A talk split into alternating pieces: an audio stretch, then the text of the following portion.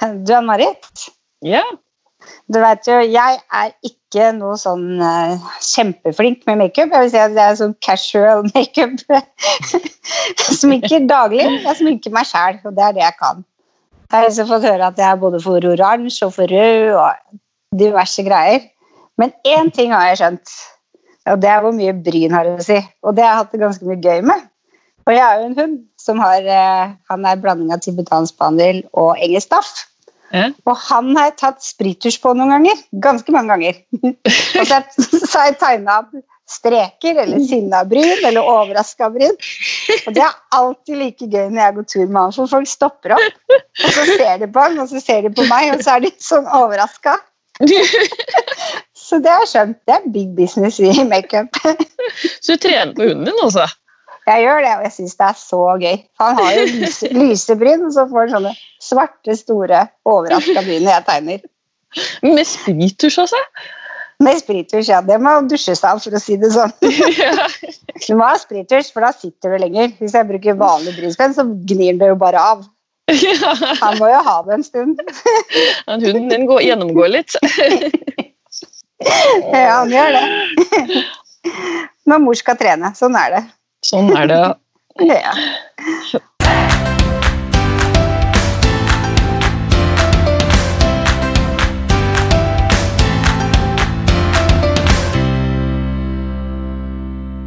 Velkommen til Hårpodden. Jeg heter Ann-Marit. Jeg heter Renate. Hvordan har uka di vært, Ann-Marit? Eh, Vi var på jobbfest i går. Ja, var det gøy? Ja, i går. Vi bodde jo på søndager, så ja, det var i går. Ja, jeg kjenner i dag at det var gøy i går.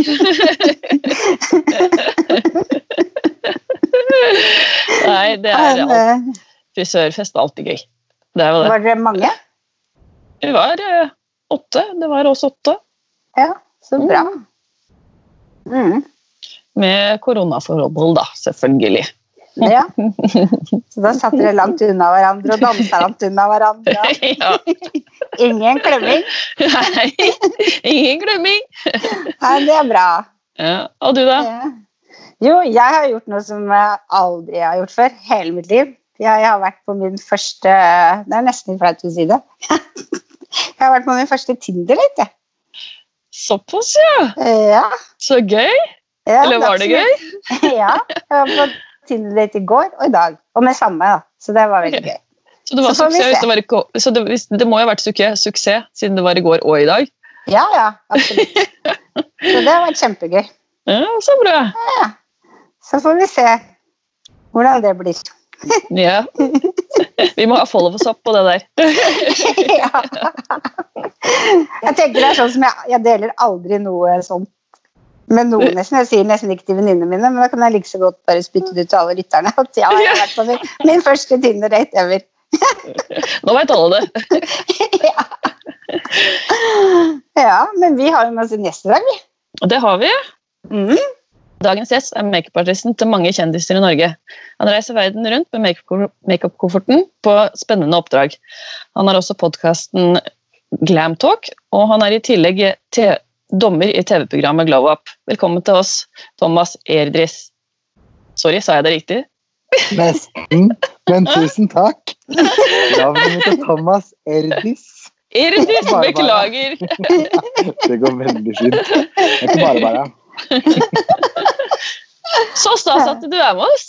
Ja, det er kjempegøy at jeg får være med. Det er jo alltid litt spennende å være med på litt sånn bransjetype podkast. Der man kan Mm. nerde seg litt og snakke om litt forskjellige ting som kanskje ikke alltid vennene syns er like spennende. Så får vi håpe at lytterne syns det er spennende òg. Det, det er jeg helt sikker på at våre lyttere syns. Det er bra. Men eh, kan ikke du bare fortelle litt om deg selv? Hvordan starta din eh, makeup-karriere? Ja, jeg er jo 35 år gammel nå og har jobbet med dette i ti år. Så selv om jeg føler at eh, det bare har gått ett år, så begynner jeg å merke at kanskje jeg har litt erfaring likevel. Men det begynte vel egentlig med at jeg hadde en liten sånn life crisis. Der man på en måte har reist rundt i verden og prøvd forskjellige typer jobber og tenker shit, hva faen? Unnskyld språket. Litt kan jeg Ja. ja, det er Eh, lov. Hva skal jeg bli når jeg blir stor?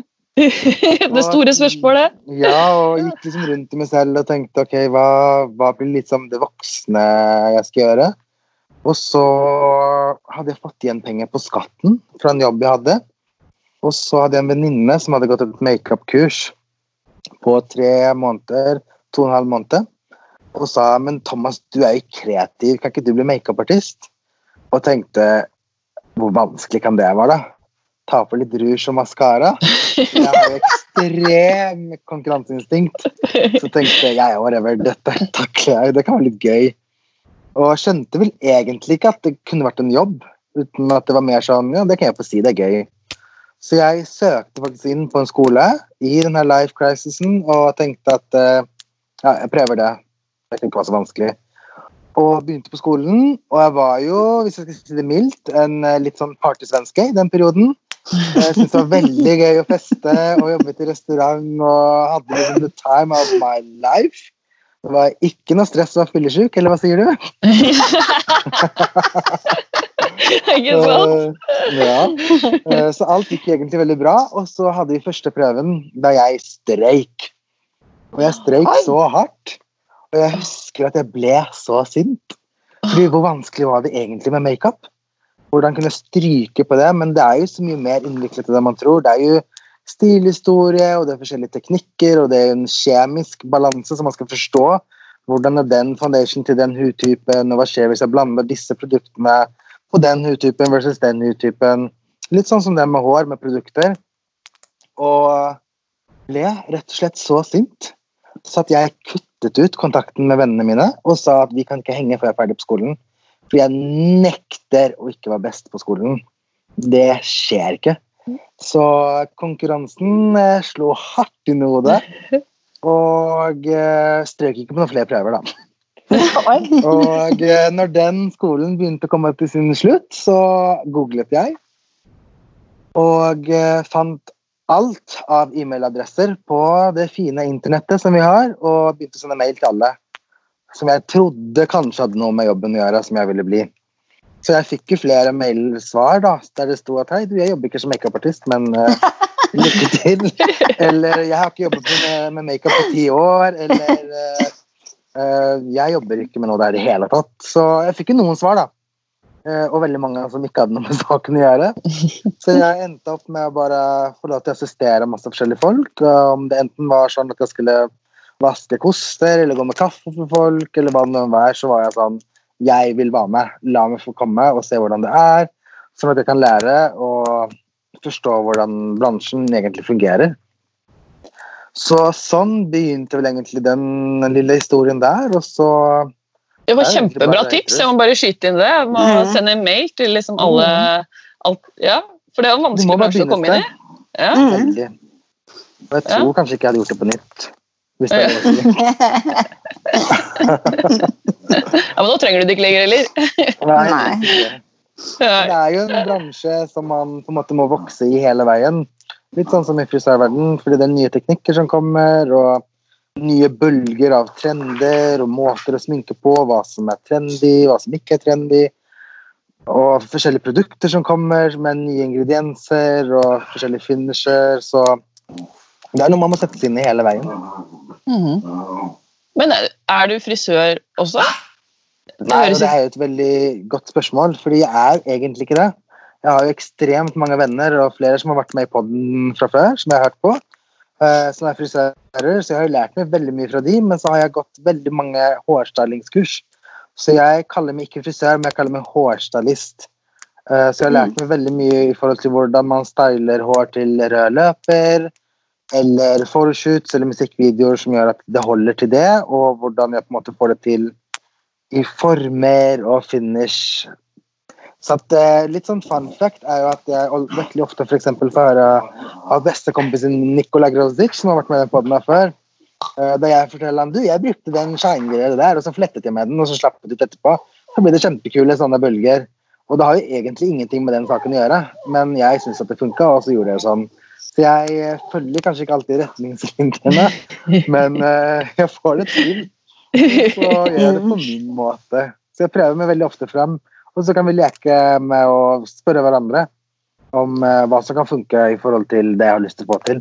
Mm. Så man må leke seg. Jeg pleier å si at det er ikke noen regler, det er kun retningslinjer. Det er så sant. Mm. Du trenger vel egentlig ikke en klippeutdanning heller for å være stylist til det, det du jobber med. Du gjør jo ikke det. Du, Nei, og jeg vil aldri påta meg å klippe noen. Jeg tenker at Nei, det får for- frisører gjøre. men jeg husker at bestekameratene sa det at det var en helt annen måte å jobbe på når du jobber sånn som dere gjør, enn når du er frisør. At dere jobber Mm. med andre teknikker uansett. Mm. Så Det er jo på en måte det- visuelt på en annen måte. Så jeg kan jo jukse veldig mye òg. Jeg kan jo f.eks. klippe opp, altså klippe med klips. Eh, Ja, ikke sant? Opp hele håret bak, sånn at det ser fyller ut. Ta en extension, så Det er mye måter å jukse på når det kommer til foto og det visuelle. En Ja. annen ting å stå i en frisørstol og så si at du ser kjempebra ut foran, men ikke bak. Jeg, jeg, jeg, jeg, klipsa deg opp, så ikke snu deg. Ja. Nei, Ja, fantastisk. Så man lærer seg å jukse, da. Ja. Men det ser jo bra ut på bilder, da. Mm. Men jobber du frilans, eller bare frilans, eller er du fast på noe sted? Jeg er vel kanskje en av de få som er 100 frilans. Jeg har ikke en ekstrajobb ved siden, så jeg gjør kun frilansjobber. Og for dere som ikke forstår hva det betyr, så betyr det at jeg blir booket opp på oppdrag. Eh, så det kan jo være alt fra musikkvideo til reklamefilm til kampanje for en hårfrisørsalong, f.eks. Der de skal ha bilder. eh, Og det kan være rød løper, pressedag eh, Jeg husker eh, Speaking av pressedag, det er faktisk litt morsom historie. Fordi jeg Fortell. gjorde mm, jeg skal fortelle. Så, Cecilie Brækhus er jo en eh, bokser som var i Norge, som er en av de største i verden i sin, eller sin vektklasse. Og jeg var med på en pressedag med henne, og jeg vet ikke om dere har sett det før. Når de har sånn pressedag, så står de foran hverandre foran en sånn pressevegg og gir sånn myrdblikk. Der de bare skal liksom psyke hverandre ned. Så det er ekstremt mye testosteron på de stedene. Og så er jeg der og skal sminke og fikse håret hennes ikke sant? og tenker sånn fy faen, jeg har ikke lyst til å være makeupartist her. Her vil jeg være de kule, tøffe folka som står der med masse testosteron. Jeg står liksom i publikum sammen med alle andre og passer på, men har liksom gjemt tingene i lommene så ingen skal skjønne at jeg egentlig er makeupartist. Og så plutselig så skjønner jeg at det er noen som liksom banker meg litt sånn på skulderen. Og bare, Unnskyld, er det din lipgloss?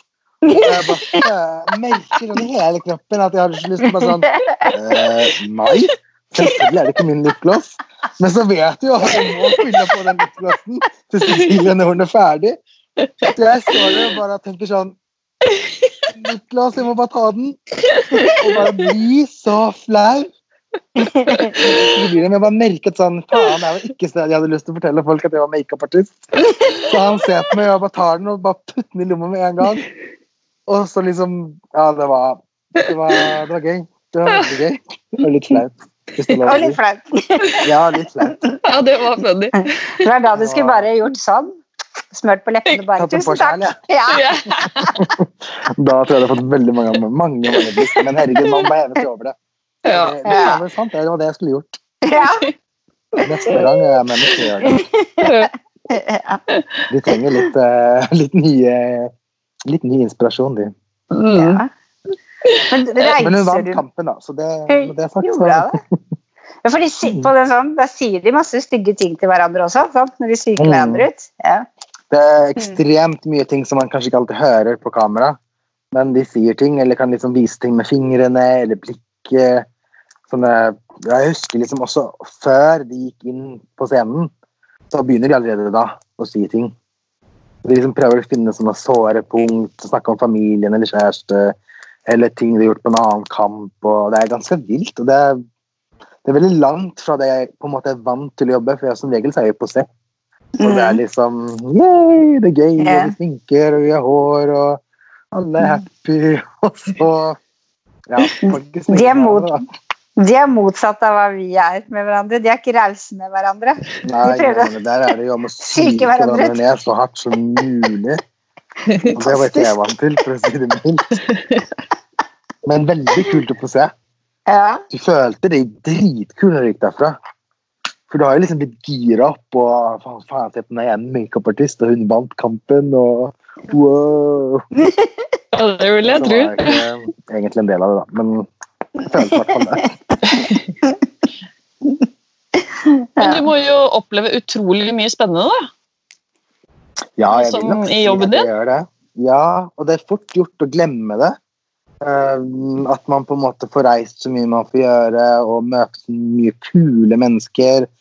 Inspirerende mennesker, folk som er reflekterte fordi de har reist så mye alene eller vært på forskjellige opptak.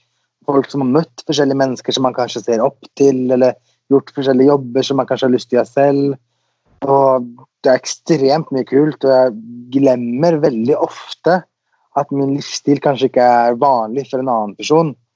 Eh, Det at jeg har så og så mange dager i året som jeg reiser eh, altså Det kan være alt fra 100 til 250 dager i året.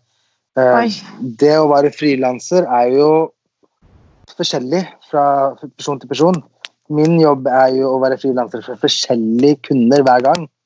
Så det gjør jo at min arbeidsplass er jo sjelden på samme sted. Så min jobb kan jo være at jeg plutselig har reist til Drammen over dagen, og det er også en reisedag, eller at jeg bare er over natta. Fordi vi skal begynne tidlig dagen før. Eh, nå har jeg jo allerede i år, selv om vi har hatt korona, så har jeg jo vært på Filippinene, Cape Town, Mexico, Trondheim. Eh, Jeg var akkurat på Voss, kom hjem nå i forgårs og skal til andre steder på tirsdag. Onsdag og torsdag der skal jeg jobbe. Så det er jo Det er jo en Altså, arbeidsplassen min er jo over hele verden. Og det glemmer jeg jo veldig ofte. Det er jo rart å tenke på. Og det er rart når jeg snakker om det høyt òg, for det, for meg er det bare sånn Ja, jeg setter meg på et fly, kommer dit, kommer tilbake, og så er jeg ferdig. Det høres veldig gøy ut, da. Ja, virkelig. Ja, jeg Det blir nesten litt misunnelig nå, kjenner jeg. Jeg føler at jeg blir litt misunnelig på meg sjæl nå. Ja. Men er du ikke nervøs for å få nok jobber og sånt? liksom?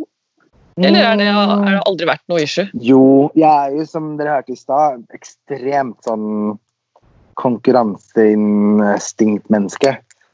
Jeg hater jo å tape. Jeg vil alltid ha flere jobber, og jeg vil alltid ha mer jobber, jeg vil ha bedre jobber. og jeg elsker jo å jobbe med mennesker, som gjør at det kanskje er eh, et pluss for meg, da, som jobber med den jobben jeg gjør.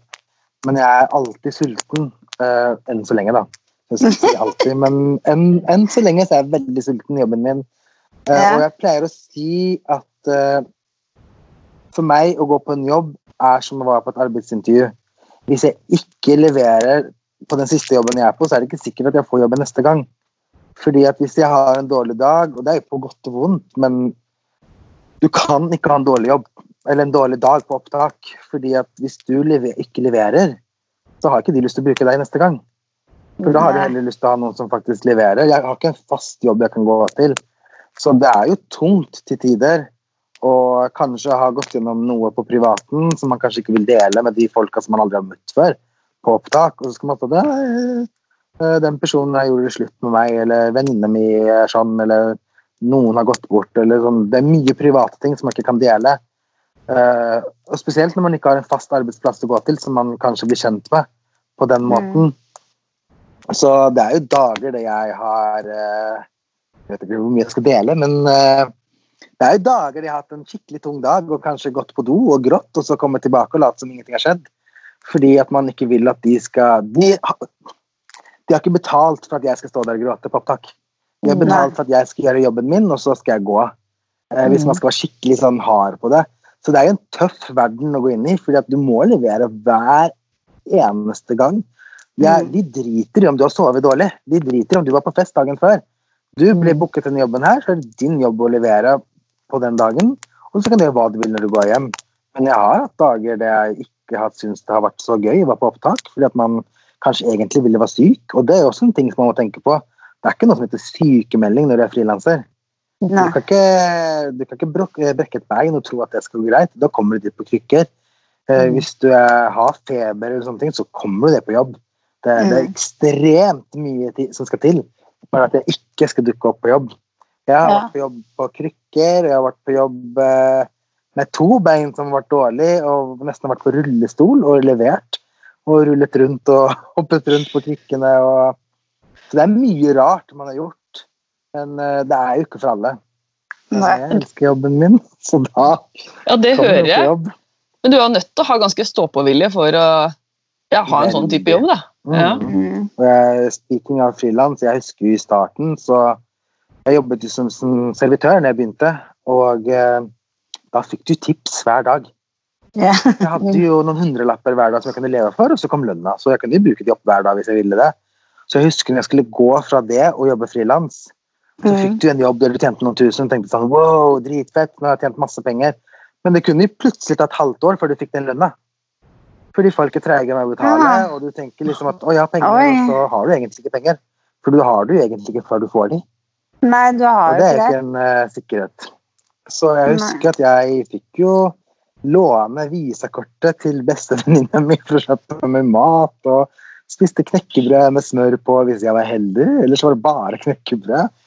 Og Nei. det var jo en spesiell livsstil som jeg på en måte Og det er derfor jeg sier at jeg vet ikke om jeg hadde gjort det på nytt.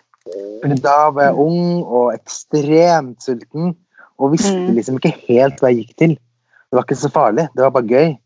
Men eh, tilbake til det du spurte om i stad. Jeg skravler høl i hodet på folk, unnskyld. Men eh, spurte om eh, jeg var redd for at jeg ikke skulle få jobber. Eh, det er jo alltid en frykt. Absolutt. Mm. Nå, uten å, å ta på noe tre her nå, knock, knock on wood, nå går det såpass bra at jeg tjener jo nok til å klare meg, og nok til å kunne legge av penger, fordi at du må ha forsikringer som frilanser, og du må legge av penger til pensjon, og du må på en måte tenke litt langsiktig, for plutselig så Mm. har du ikke en jobb. Nå vet jeg jo at jeg er heldig som har såpass mye jobb som jeg har, som gjør at jeg faktisk kan jobbe mandag, tirsdag, onsdag, torsdag, fredag, lørdag, søndag hvis jeg vil. Eh, Så jeg er heldig som på en måte må velge bort jobb. Da føler jeg at sånn, jeg må banke på tre. Sånn, nå banker jeg på tre. Man vet ikke hvor det varer. Men ja, jeg koser meg ekstremt mye med jobben min. Og føler meg ekstremt heldig som får lov til å gjøre det jeg elsker. Eh, Jeg har jo veldig mange venner som har en jobb som er 9 to 5, og egentlig ikke syns at den er så spennende. Jeg har jo vennene mine på jobb, jeg har kollegaer som jeg møter av og til, eh, som booker meg om og om igjen, som jeg også har blitt venn med på privaten, og kan ha julebord med og sommerfest med og kan henge med ellers òg. Som gjør at jeg er heldig, rett og slett, for det er ikke en selvfølgelig å få det sånn når du er frilanser. Nei. Mm. Men jeg må, jeg må bare spørre deg om en ting, fordi du jobber jo med masse kjendiser. Ja. Jeg, når jeg har opplevd å få en kjendis på lista mi, eller noe jeg må ordne, så blir jeg så sjenert. ja. Så jeg må se på skotuppene mine og vil egentlig bare krype inn i huden. Men man blir kanskje vant til det? Eller? Ja, altså det spørs jo hvem det er og hva man skal gjøre. Men jeg forstår absolutt følelsen din. Og Mhm. jeg vil jo si at den dagen du ikke blir nervøs, så skal du gjøre noe annet. Ja. Fordi at du vet aldri hva du kommer til. Plutselig så har de en dårlig dag. Mm. Og vi, det er ganske likt med å ha noen i frisørstolen og ha noen i stolen det er på sett.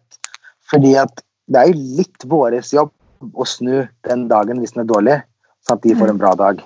Eh, Jeg vet ikke hvor mange ganger vi alle tre her har vært psykolog, eller bare har hatt en terapitime der de skal få prate ut, og du bare smiler og nikker og prøver så godt du kan for at de skal få en bra dag. Uh, Jeg vet at det er veldig mange fotografer som sier det til meg ofte, at uh, det er så godt at du tar på deg det ansvaret.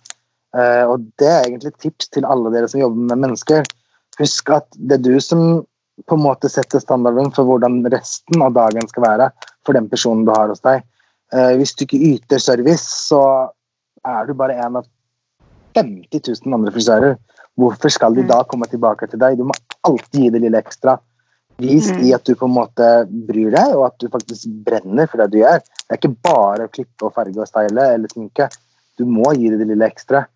Mm. Selvfølgelig blir jeg nervøs. Uh, det er mange ganger Ok, jeg skal snu litt på det. Uh, jeg føler at jeg har kommet til et punkt etter x antall år med jobb da jeg aksepterte at jeg er et menneske. Da jeg lot meg selv gjøre feil. Eh, Og det sier jeg veldig ofte som makeupartist eller hårstylist. Litt vanskelig hvis du klipper, Eh, hvis du har bommet der, så er det vanskelig. Men en hårfarge kan du alltid rette på. En sminke kan du alltid rette på. En hårstyling kan du alltid rette på. Så hvis du gjør noe som du ikke er fornøyd med, fiks det.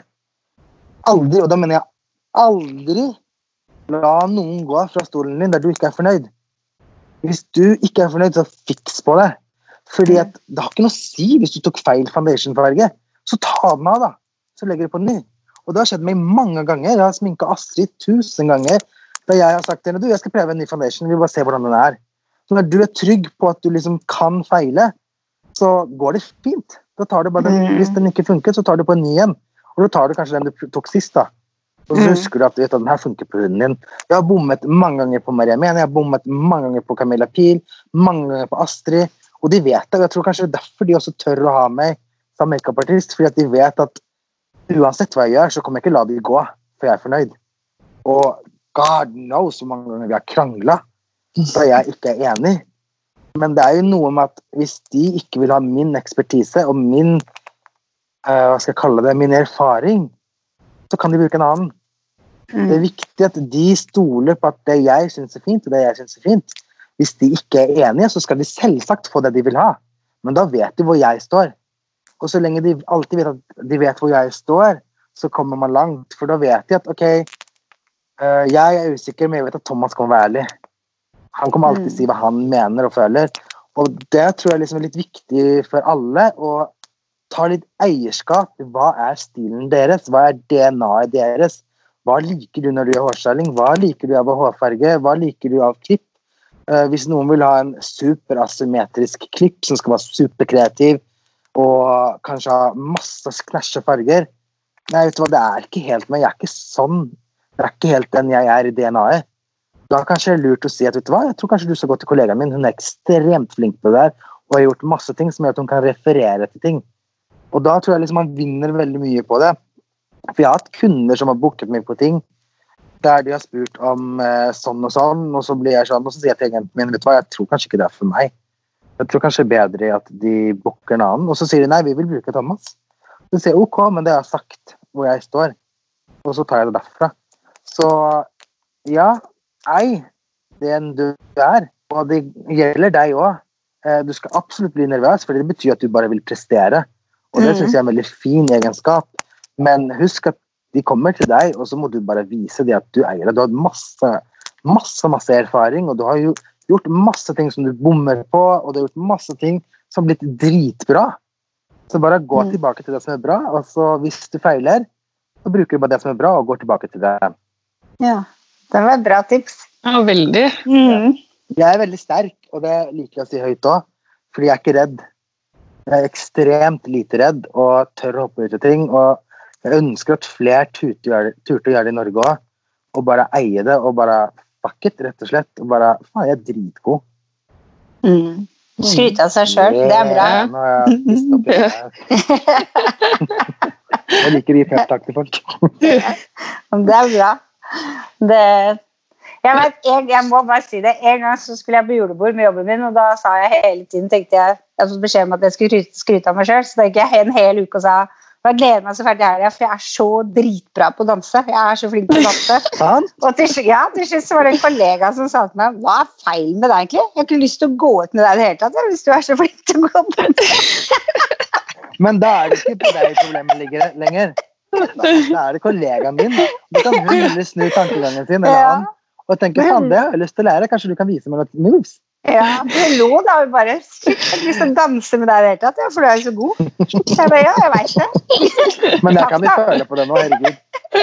Fa fakta at jeg er ikke så god på å danse, egentlig.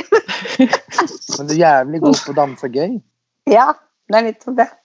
Ja, det er det man må gå tilbake til. Peppe seg sjøl. Takk for det tipset, det skal jeg begynne med. Ja, det er bra. Si en ting som du er flink på hver dag. Ja, det skal jeg søren meg gjøre. Det håper jeg lytterne gjør òg. Mm. Ja, alle dere som lytter nå. Ei dere selv. Ja. Glow up.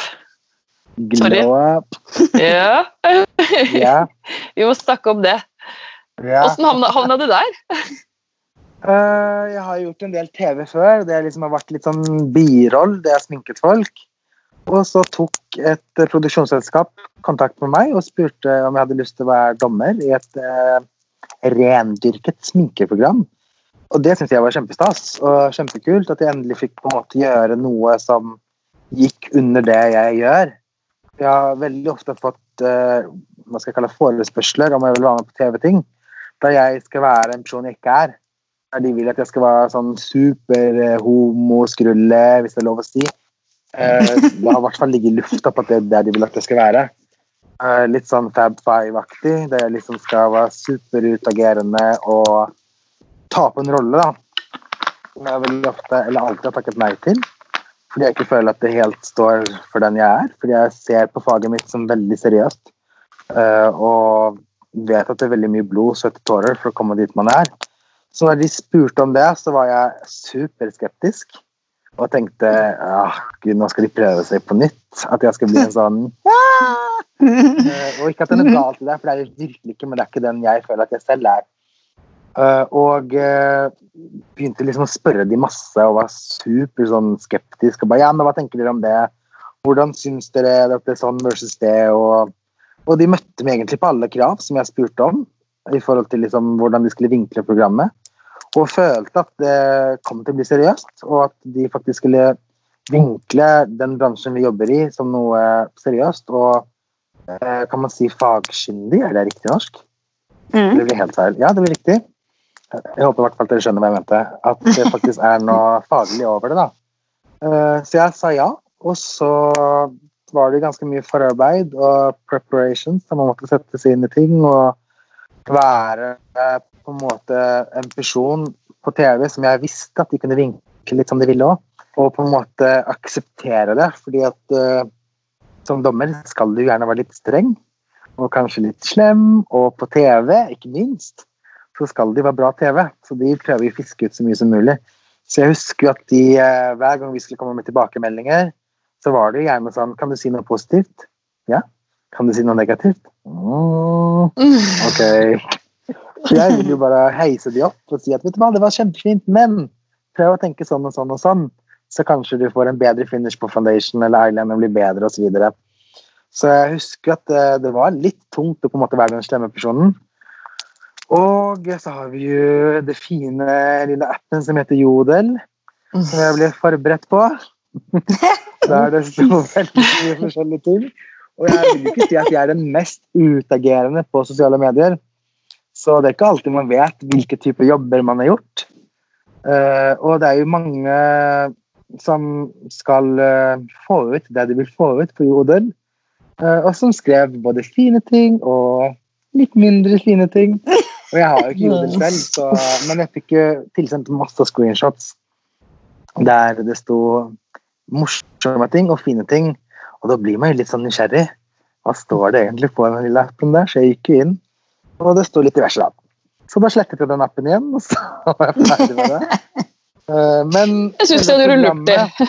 Ja, det tror jeg også. Ja, tror jeg. Men programmet var kjempe, kjempegøy, og jeg fikk jo møte masse fine makeupartister som jobber på sosiale medier, og som nå i etterkant har valgt å utdanne seg på skoler for å på en måte få det faglige i det. Og eh, vokste jo ekstremt mye som person. Å lære seg å stå foran eh, x antall kameraer og mennesker, og stå der og huske på manus og ting som man skal si, og så eh, på en måte gjøre det om til noe eget. For de har jo en tekst som du skal lese opp, men så må du på en måte gjøre det litt om, sånn at det faktisk høres ut som at det er du som sier det, og at det ja, blir ekte, da. Det var jo veldig gøy og spennende, og jeg hadde absolutt gjort det igjen. Og jeg syns jo det var noe Jeg synes det var kjempegøy å være foran TV-skjermen. Blir det en det runde to av det, eller? Du, jeg vet ikke. Nå kommer korona, og den, det produksjonsselskapet som lagde det, ble lagt ned. Så jeg vet ikke helt hva de har tenkt. Men uh, jeg håper det. Det hadde vært kjempe, kjempegøy. Ja, det var et Eh, veldig bra sånn, program. Jeg så på, jeg så på Bratz Dolls i går, yeah. faktisk. Ja. Jeg syns De de var dødsflinke. Ja, Ja. de er ekstremt flinke. Og det er jo noe med å stå foran et kamerateam og vite at det skal sendes ut til hele Norge, og vite at alle kommer til å dømme det du gjør, det er jo ikke alltid gøy. Og det gjør jo at man får veldig mye nerver og kan bli litt stressa av det, så jeg skjønner det kjempegodt. Mm. Men jeg syns de leverte kjempe, kjempebra og var ekstremt flinke. Og det er jo noen av de som skal være med meg og assistere videre nå. Det. Mm. Det må jo være en ære for dem, da. Ja, og for meg. Det er gøy at folk vil være med meg. Men å treffe folk på den måten, fordi du er jo en sånn rockstar for de. Og så får du være med og assistere. Det må jo være Jeg tror ikke jeg hadde sovet på natta hvis det hadde vært meg. Da hadde jeg gleda meg og vært så nervøs at eh, Ja. Tenker jeg det må være noe for dem. Jeg håper du klarer å sove. Det er viktig å være opplagt til dagen. Ja. Ja, ikke sant? Da har du et favorittmerke makeup? Ja, det her er jo ting som jeg alltid blir spurt. Eh, På makeup, tenkte du? Ja.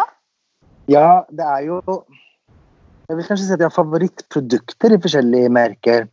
Ja. For det spørs jo litt hva jeg skal gå for. Og jeg vil si at uansett om det er hår eller makeup, så er det veldig sjeldent ett brand klarer å lage en hel linje som Mm. funker på absolutt alle.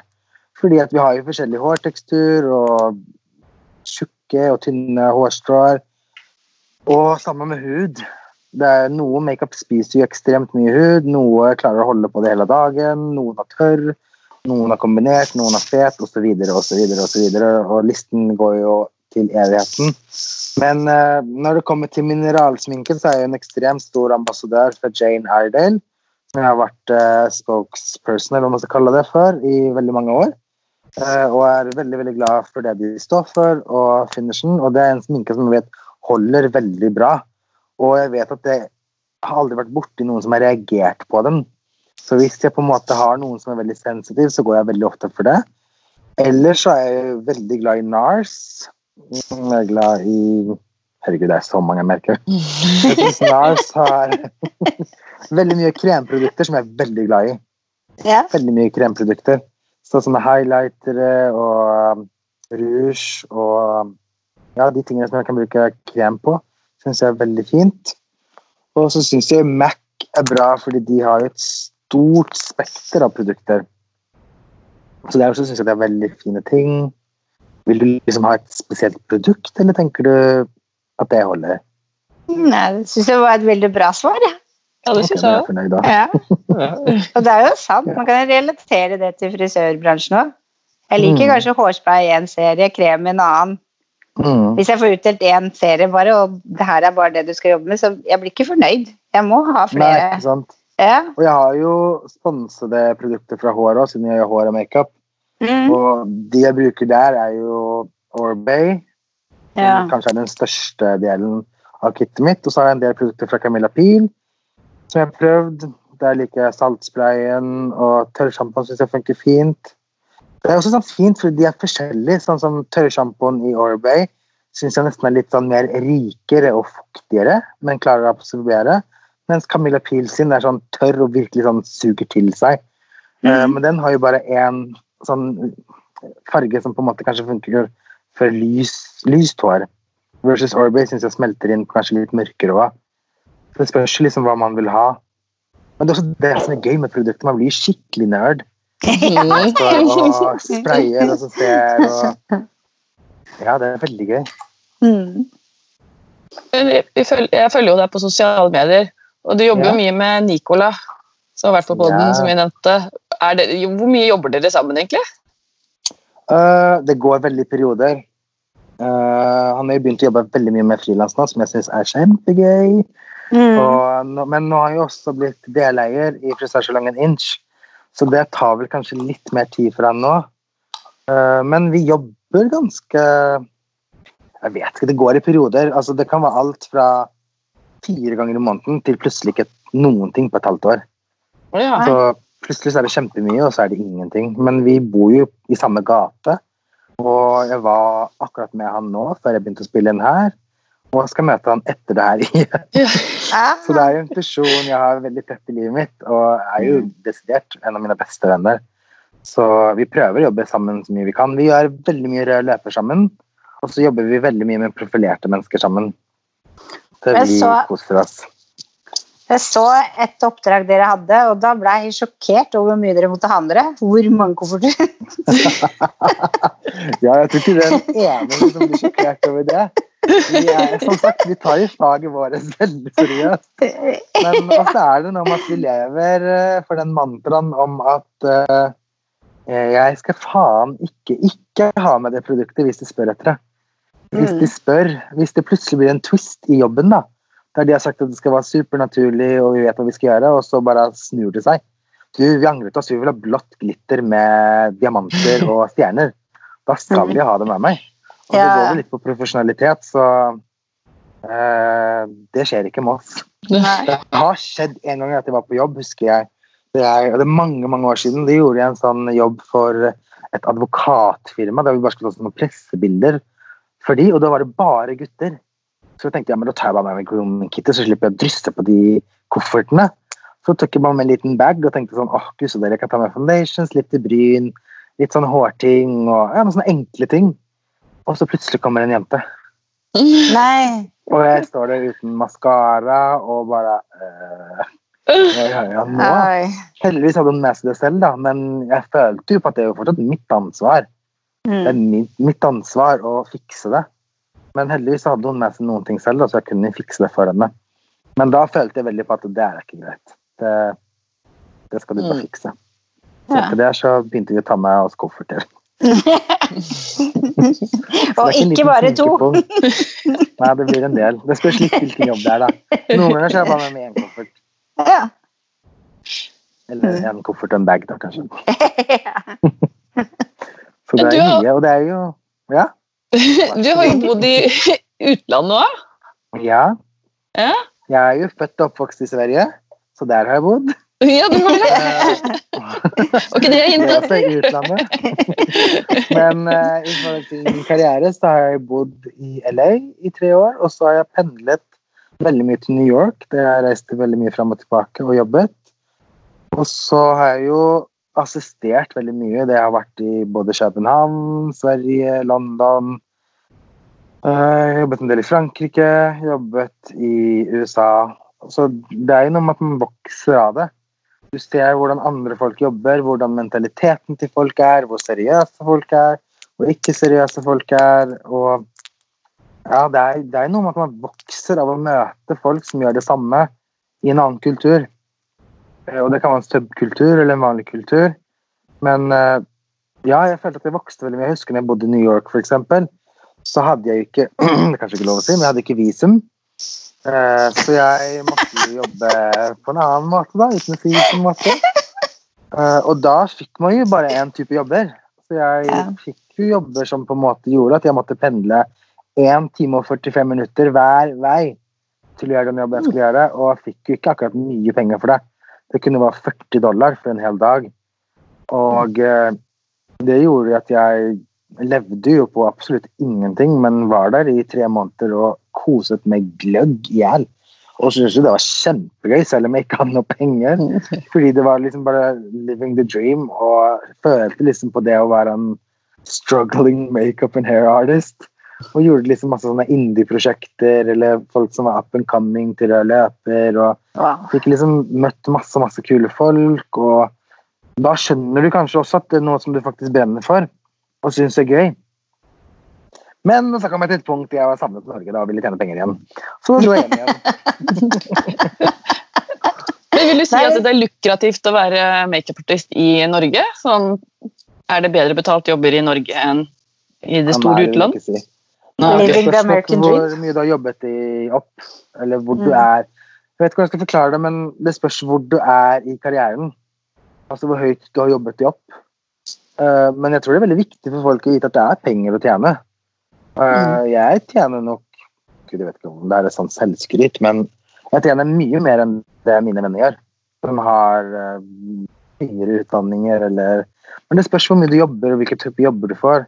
Og så har jo ikke jeg sikkerhet, jeg har jo ikke pensjon, jeg har ikke sykemelding. Så alt går jo liksom på en måte Det er litt relativt hva Ja. du vil ha ut av jobben din. Mm. Ja, ikke sant. Å være smart Men, med eh, lommeboka. Ja, faktisk. Og det er faktisk Mm. viktig å huske på. Mm. Se hva som skjedde med korona. Hadde ikke jeg hatt sparepenger nå, så Jeg Ja. tror det er det mange som sleit da. Mm. mm, det vet jeg at det er. Ja, Eh, mange er frilansere som sleit. Mm. Og vi fikk jo ikke noe penger for det, så da sto jo det med skjegget i postkassen. Så det er jo noe om på en måte huske på å tenke på andre dager som kommer. Mm.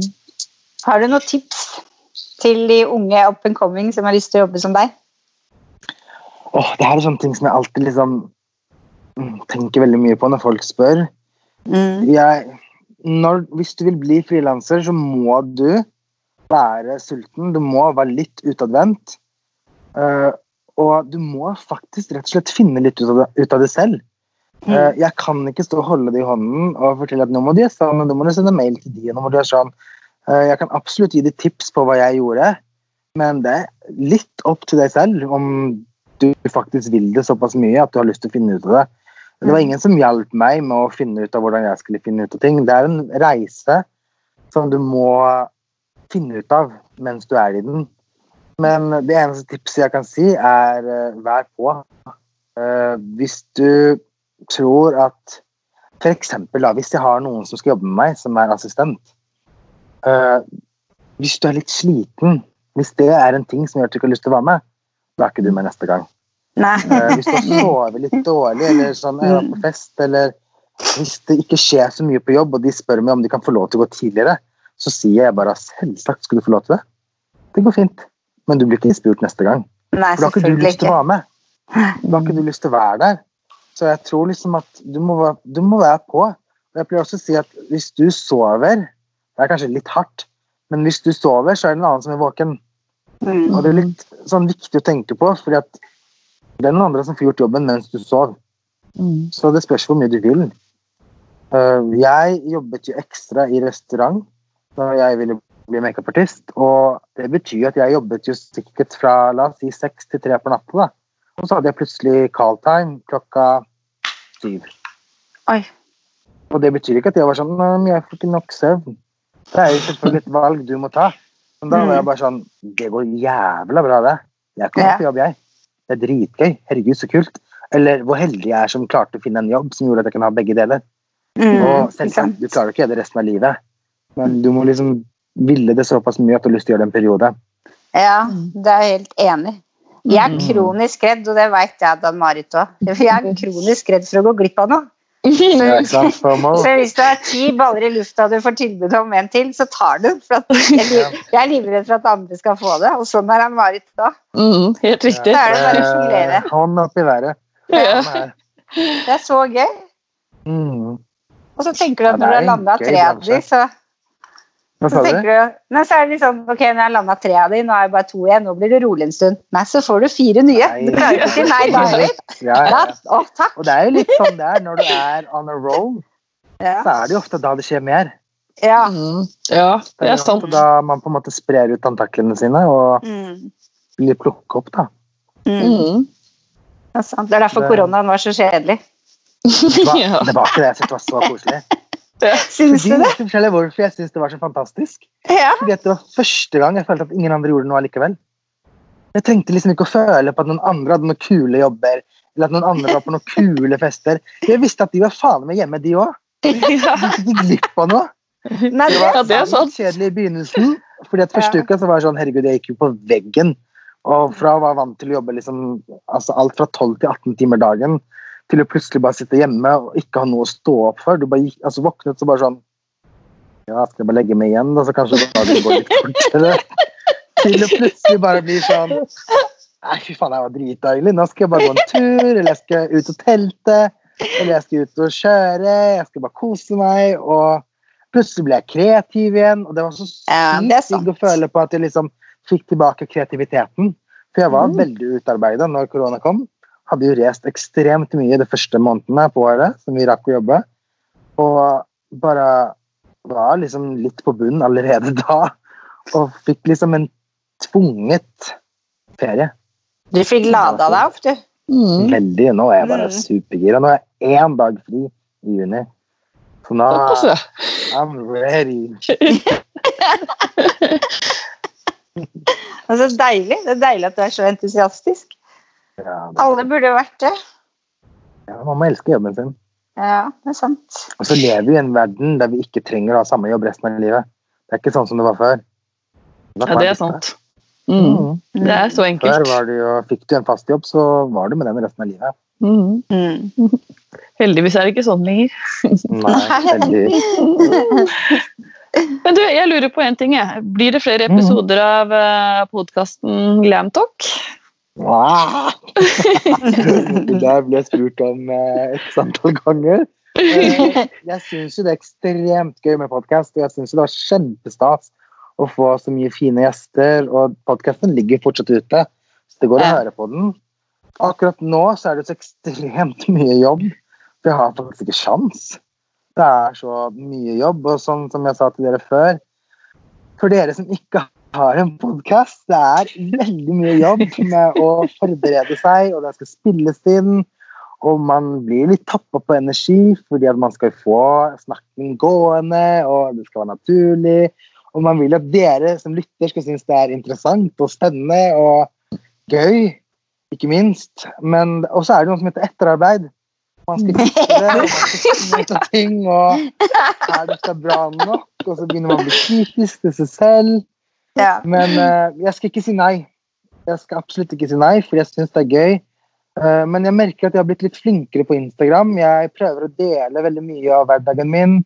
Og spesielt når jeg er på oppdrag, sånn at folk faktisk får se hvordan det er å stå opp drittidlig uh, for å få med soloppgang, som kanskje folk tenker sånn Å, gud, så fint bilde, men det var faen ikke digg å stå opp.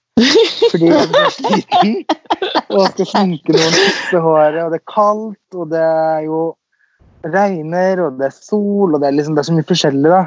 Så jeg, jeg tror kanskje at jeg satser veldig mye på Instagrammen nå, så hvis dere har lyst til å se hvordan det er bak kulissene, eller backstage, som vi kaller det, så prøver jeg meg mest på Instagrammen nå, og jeg tar imot tips på hva dere vil se.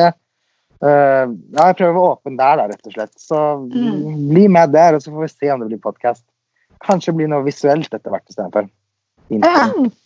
Hint, hint. Så gøy. Kanskje. Ja. Spennende. Ja, det var spennende. Vi har noen faste spørsmål også til deg. Flere spørsmål. Hva er ditt Ja. must-have til håret? Hva sa du nå? Hva er ditt must-have til håret? Ok, det her er så flaut. Men uh, eh, Jeg blir sponset av eh, de villeste produktene som finnes der ute. Så jeg har egentlig tilgang til alt. Men det var en periode, korona, der jeg bare faen, jeg har ingenting til så jeg begynte å bruke fuktighetskrem. Og det funket så bra. Det eneste man må være litt obs på, det er å ikke ta for mye, for da ser det skikkelig fett ut. Men det funket faktisk veldig fint for å bare samle krøllene litt. Hvis du bare tar bitte litt, liksom en liten pump, og så bare grer det i vått hår, så funket det faktisk veldig bra. Ellers så er det Orbay. Beroende Ja. på hvilken hårsveis jeg har. Ja. Men Fuktighetskrem i året, det er faktisk eh, flere venner som bruker som har krøller. Mm, det funker. Og så blir det Ja. ikke stivt. Nei, så blir det mykt. Mm. Ja. Og så- får du masse fukt. Og så trenger du bare dra på én det ting. der hvis noen er det kan jeg ingenting om. Men det funker i hvert fall. Det ser bra ut. Det er det viktigste. Det er det Det viktigste. er Ja. det. Eh, Hva inspirerer deg? Å, det her er så fint. Alt inspirerer meg. Dere inspirerer meg. Eh, alt jeg ser på gaten, mennesker som er målbevisste eller trygge på seg selv, gjør at jeg har lyst til å bli tryggere på meg selv. Mennesker som tør å gå med noe som jeg kanskje ikke hadde turt å gå med, inspirerer meg. Farger som jeg ser på gaten. Farger som jeg ser på svaberg, syns jeg er noe av det fineste som finnes. Hvis du begynner å telle hvor mange farger du ser på det, så er du plutselig oppe i 20-30 farger. Som er helt vilt. Så bare åpne øynene. Og Grace Cuddington sa en gang i en sånn dokumentar, hun som er i Vogue Slutt å sitte på telefonen eller sitte i bil. Se ut. Se opp. Ja, det den har jeg virkelig tatt til meg. Så jeg tar jo veldig mye taxi til jobb og sånn, og da har jeg begynt å bare se ut vinduet, og så plutselig blir jeg sånn Herregud, det nabolaget her har jeg aldri sett før, fordi vi plutselig kjørte opp en gate som jeg ikke er vant til. Og det, det er noe fint over det. Se opp. Samme når du går på gaten, se opp. Ikke glem å se opp. Men jeg får Nei, inspirasjon av alt. Absolutt alt. Det var veldig Mm. Ja. Det var veldig bra tips. Ja, veldig. Eh, hvor, er du, hvor er du om fem år? Å, herregud. Da har jeg fått sparken og ligger Nei. Nei. Om fem må- år så håper jeg at jeg, har lyst, at jeg fortsatt har lyst til å ha barn, og kanskje har fått noen barn. Eh, jeg ser meg selv fortsatt som makeupartist og cellist. og håper at jeg elsker jobben like mye som jeg gjør nå. Eh, kanskje har kjøpt meg en hytte Jo, det håper jeg. Om fem år så håper jeg at jeg har kjøpt meg en hytte, og kanskje jeg har fått lov til å gjøre noe som jeg syns er veldig gøy. Det får du se om fem år. Jeg har en drøm som jeg håper jeg kan gjøre til virkelighet. Og som du, som du ikke kan si? Du var ikke noe særlig nysgjerrig? Ja, det er bra. Bli nysgjerrig. Jeg blir nysgjerrig. Da må vi vite hvor vi finner deg på sosiale medier, så vi kan få med oss dette her. Ja, det er Thomas uten H. Erdis Makeup. Thomas Ja. Erdis Makeup. Mm. Ja, det blir spennende å følge deg Det- framover, kjenner jeg. Jeg, det er, jeg har masse morsomme og spennende jobber fremover nå, så jeg må bare bli flink på å huske å spille inn ting. For Det er så fort gjort at man blir så oppslukt i jobben, så at man glemmer at man må faktisk gjøre en jobb med sosiale medier. Og det er jo, som jeg sa med podkast, det er mye jobb å stå og spille inn og prate til kamera og hele den pakka der. Men det går fint. Det er gøy. Mm. Men Det er kjempegøy. Mm. Det er jo det. Hei. Vi har liksom egentlig kommet til veis ende, men jeg må bare si wow for en episode. Jeg ville bare Ja. fortsette. Og, og allerede nå så sitter jeg og tenker at når vi kommer til studio Kanskje vi kunne invitert deg og bestekompisen og hatt en felles episode? Åh, det hadde vært Det hadde vært så gøy! Ja. Ja, det tror jeg Nicolai hadde blitt med på. ja. Det blir, blir, Dere kan jo, sånn hvis dere som lytter, så kan dere i så fall si ifra hvis dere vil. Det ja. kjempe, kjempegøy. Og så kanskje man kan lage en sånn spørsmålsrunde, så kan vi svare på ting. Nettopp. Ja, Det er kjempetips. Mm. Tips til alle lytterne.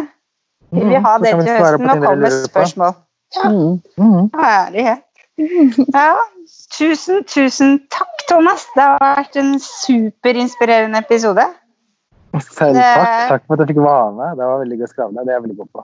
Ja, det er jo så bra. Det er kjedelig å ha en podkast med noen som ikke vil prate. Ja, det er bra at dere er gode på det òg, siden dere har en podkast.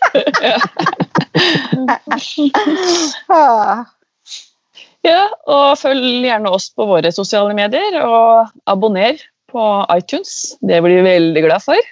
Mm. Og så høres vi neste uke. Ha det bra! Takk for oss. Ha det.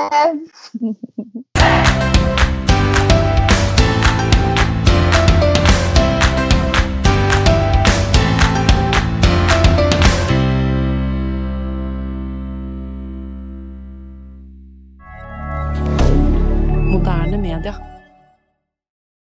Har du et enkeltpersonforetak eller en liten bedrift? Da er du sikkert lei av å høre meg snakke om hvor enkelt det er med kvitteringer og bilag i fiken, så vi eh, gir oss her, vi. Fordi vi liker enkelt. Fiken superenkelt regnskap.